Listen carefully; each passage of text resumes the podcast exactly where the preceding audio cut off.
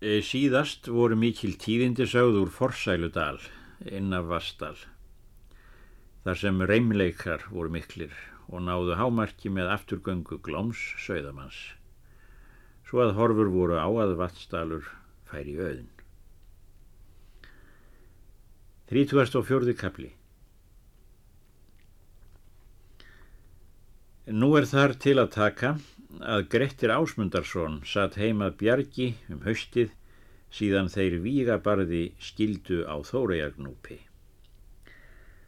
Og er mjög var komið að veturnóttum, reið Grettir heiman norður yfir hálsa til Víðidals og gisti á auðunarstöðum. Sættust þeir auðun til fulls og gaf Grettir honum öks í góða og mæltu til vináttu með sér. Auðun bjó lengi á auðunarstöðum og var kynsæl maður. Hans sonur var Egil, er átti Úlfheiði, dóttur Egjóls Guðmundarssonar og var þeirra sonur Egjólfur er vegin var á alþingi. Hann var fadir Orms, kapiláns Þorláksbiskups. Grettir reið norðu til Vastals og kom á kynnisleit í tungu. Þar bjóð þá Jökull Bárðarsson, móðurbróðu Grettis. Jökull var mikill maður og sterkur og henn mesti ofsamaður. Hann var siglingamaður og mjög ódæll en þó mikilhæfur maður. Hann tók vel við Gretti og var hann þar þrjár nætur. Þá var svo mikið orð á afturgöngum gláms að mönnum var ekkert jafn tíðrætt sem það. Gretti spurði innilega að þeim atbyrðum er höfðu orðið. Jökull hvað þar ekki meira af sagt en tilværi hæft. Eða er þér forvitni á frendi að koma þar? Grettir sagði að það var satt. Jökull baðan það eigi gera, því að það er gæfu raun mikil, en frændur þínir eiga mikið í hættu þar sem þú ert, sagðan. Þykir oss nú engin slíkur af ungum mönnum sem þú en ílt mun af íllum hljóta þar sem glámur er, er og miklu betra að fást við mennska menn en við óvættir slíkar. Grettir hvað sér hug á að koma á Þórhaldstaði og sjá hversu þar væri um gengið. Jökul mælti. Ég sé ég nú að eigi tjáir að letja þig, en satt er það sem mælt er, að sitt er hvort gæfa eða gjörfileikur.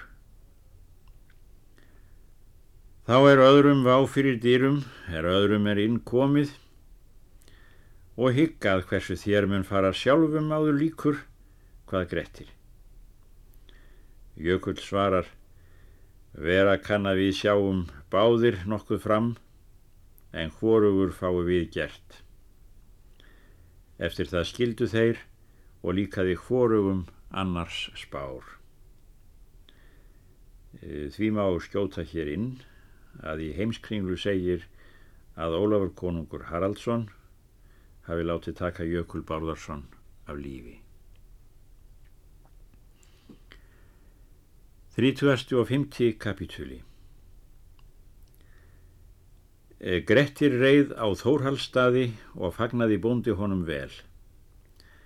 Hann spurði hvert Grettir ætlaði að fara en hann segist þar vilja vera um nóttina ef bónda líkaði að svo væri.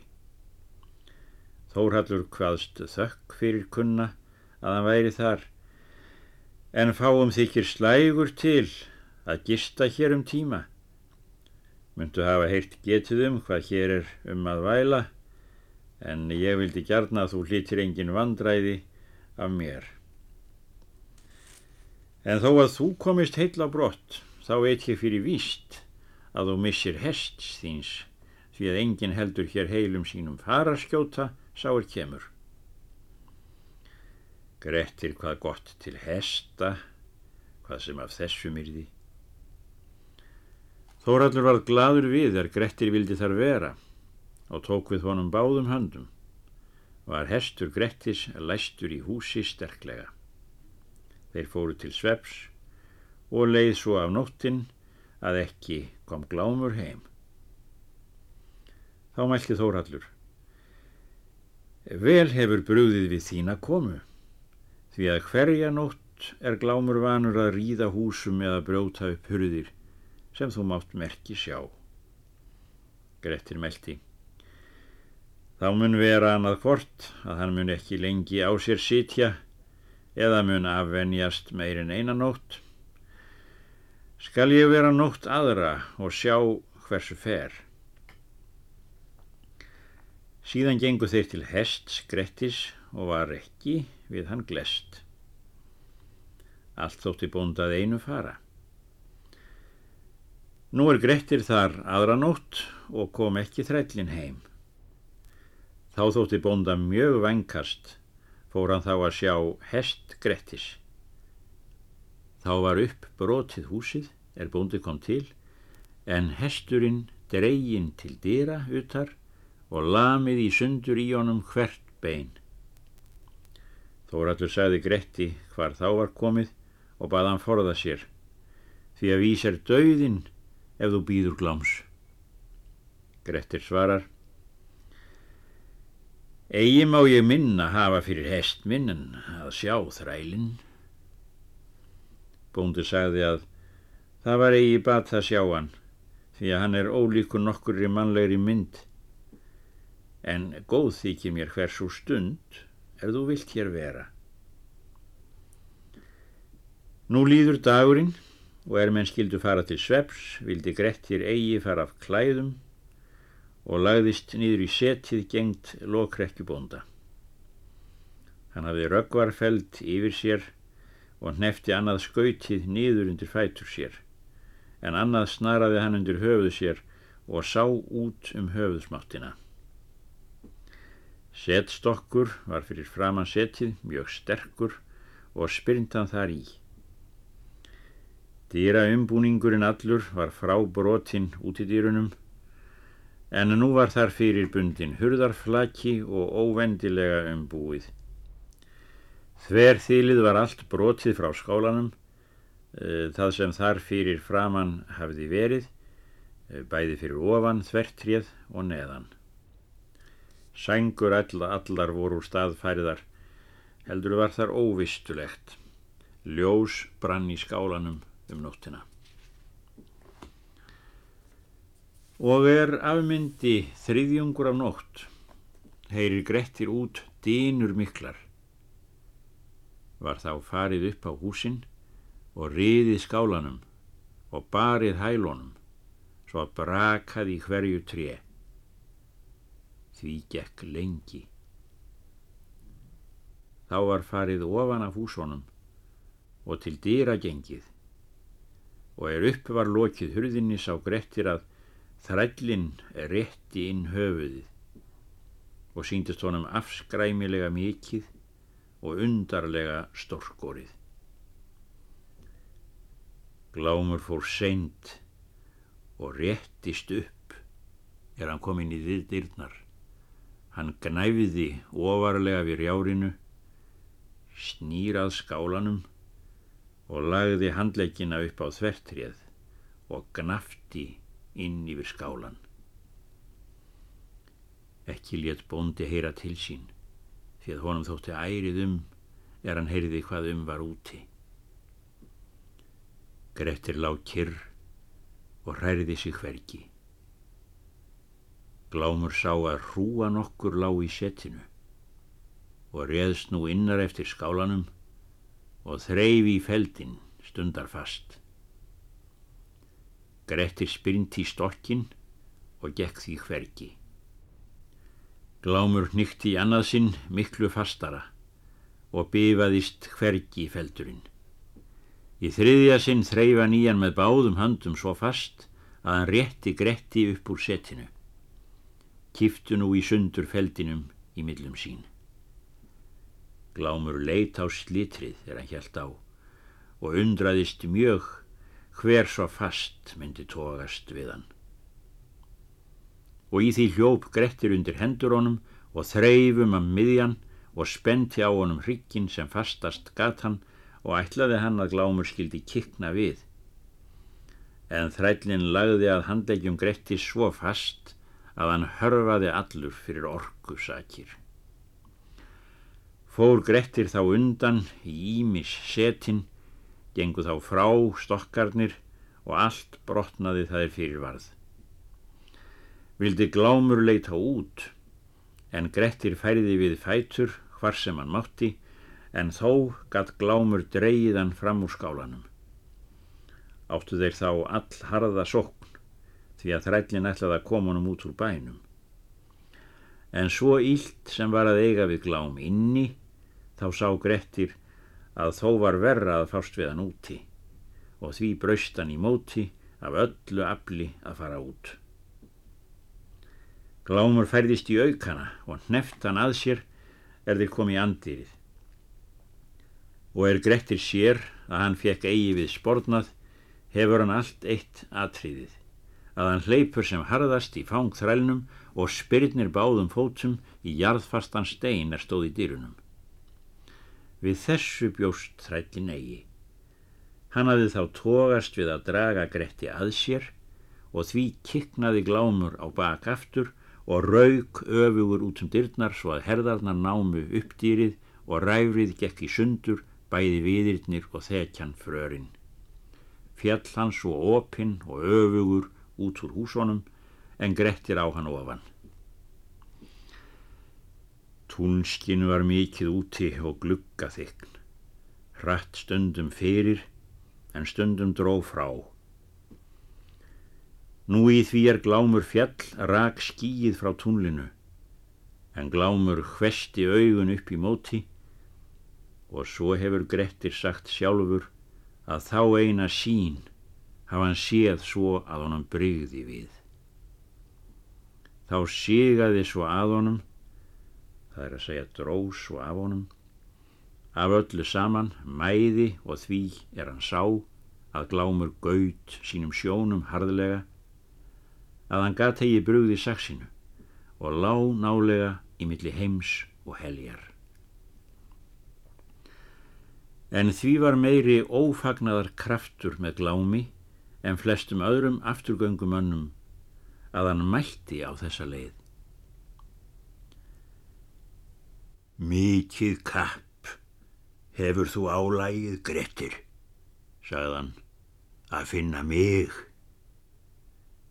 En það mun eigi undarlegt þykja, þó þú hljótir ekki mikið happ af mér. En það má ég segja þér, að þú hefur nú fengið helming afl þess og þroska er þér var ætlaður, ef þú hefðir mig ekki fundið.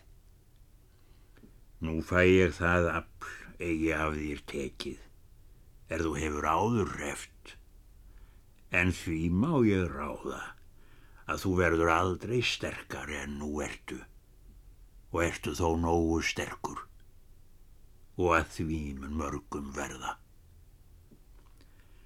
Þú hefur frægur orðið hér til af verkum þínum, en hérðan af munu falla til þín sektir og vígaferli. En flest öll verk þín snúast þér til ógæfu og haminguleysis. Þú munt verða útlægur ger og hljóta jafnan úti að búa einn samt. Þá legg ég það á við þig að þessi augu séu þér jafnan fyrir sjónum sem ég ber eftir. Og mun þér þá erfitt þykja einum að vera og mun það þér til dauða draga. Og sem þrællin hafði þetta mælt þá rann af Gretti ómegin það sem á honum hafði verið. Bráan þá saksinu og hjó höfuð af glámi og setti það við þjóhónum. Bóndi kom þá út og hafði klæðst á meðan glámur létt ganga töluna, en hvergi þorði hann nærað koma fyrir en glámur var fallin. Þórhallur lofaði Guð fyrir og þakkaði vel Gretti er hann hafði unnið þennan óhreina anda. Fóru þeir þá til og brendu glám að köldum kólum. Eftir það báru þeir ösku hans í eina hít eða belg og grófu þar nýður sem síst voru fjárhagar eða mannavegir. Gengu heim eftir það og var þá mjög komið að degi. Lagðist Grettir nýður því að hann var styrður mjög. Þórhallur sendi menn á næstu bæi eftir mönnum, síndi og sagði hversu farið hafði. Öllum þótti mikils umvert um þetta verk. Þeim er heyrðu. Var það þá almælt að enginn væri þvílíkur maður á öllu landinu fyrir aflsakir og hreisti og allrar atgjörfi sem Grettir Ásmundarsson. Þórhallur leisti Gretti vel af gardi og gaf honum góðan hest og klæði sæmileg því að þau voru öll sundur leist er hann hafði áður borið. Skildu þeir með viðnáttu. Reið Grettir þaðan í ás í Vatnsdal og tók Þorvaldur við honum vel og spurði innilega að samegn þeirra gláms en Grettir segir honum viðskipti þeirra og hvaðast aldrei í því líka aflraun komið hafa svo langa viðuregn sem þeir höfðu saman átt. Þorvaldur bað hann hafa sér spakan og mun þá velduga en ella mun þér slískjarnt verða.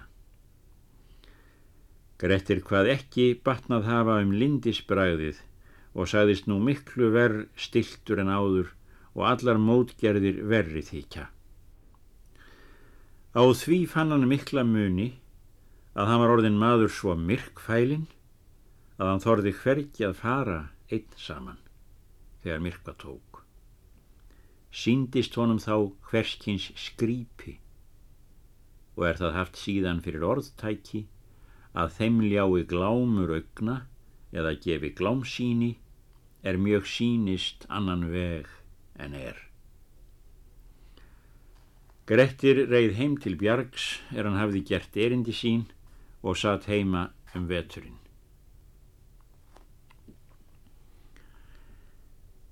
Þrítúastu og sjötti kapitúli Þorbjörn Öksnamegin hafði haustbóð mikið og kom þar margt manna. Eh, þetta var meðan Grettir fór norðu til Vastals um haustið. Þorbjörn ferðalangur var þar að bóðinu. Þar var margt talað. Spurðu þeir hrútfyrðingar að samegn þeirra Grettis á hálsinum um sumarið.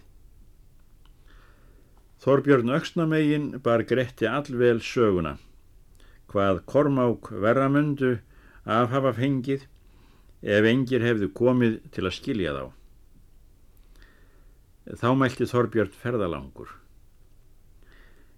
Það var bæði, sagðan, að ég sá hann gretti ekki til fræðar vinna. Enda hyggli að honum skýti skelk í bringu er vér komum að og allfús var hann að skilja og ekki sá ég hann til hemda leita er húskarl alla var drepinn og því ætla ég aldrei hug í honum ef hann hefur eigi nógan liðsabla. Gerði Þorbjörn að þessu íð mesta gapp. Margir tóku undir að þetta væri þarfleysu glens og Grettir myndi eigi svo búið hafa vilja ef hann fretti þessi orð.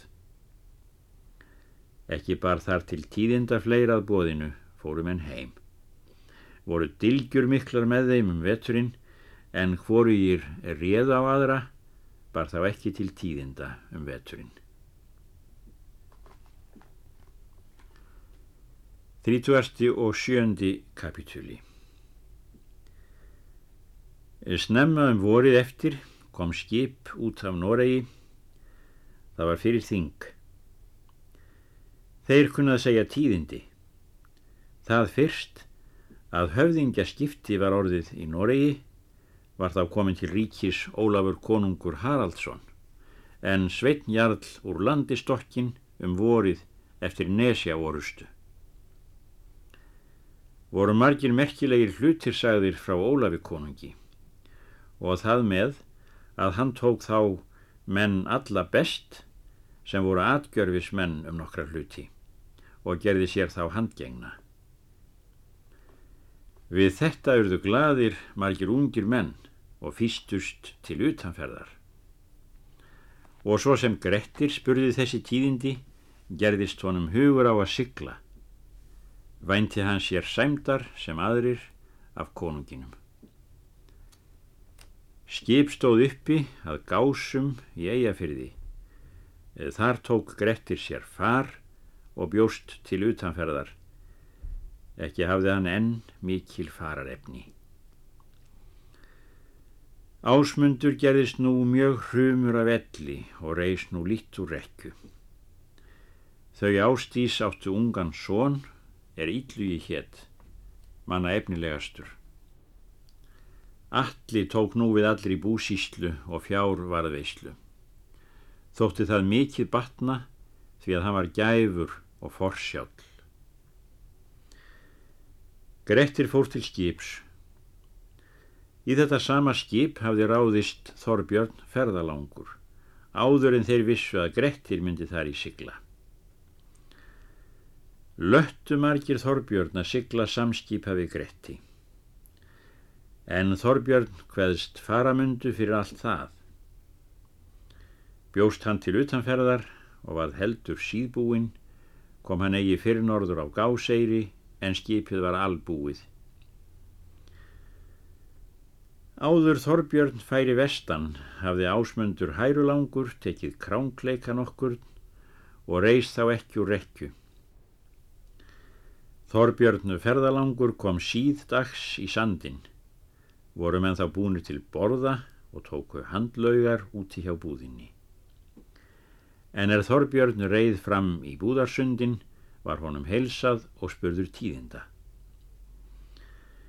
Hann lést enginn segja kunna utan ég get þess að kappin ásmundur að bjargi sé nú döður. Margir tóku undir að þar færi gildur bóndi af heiminum sem hann var. Eða hversu bar það til, sögðu þeir. Hann svarar, lítið lagðist nú fyrir kappan, því að hann kapnaði í stofureik sem hundur.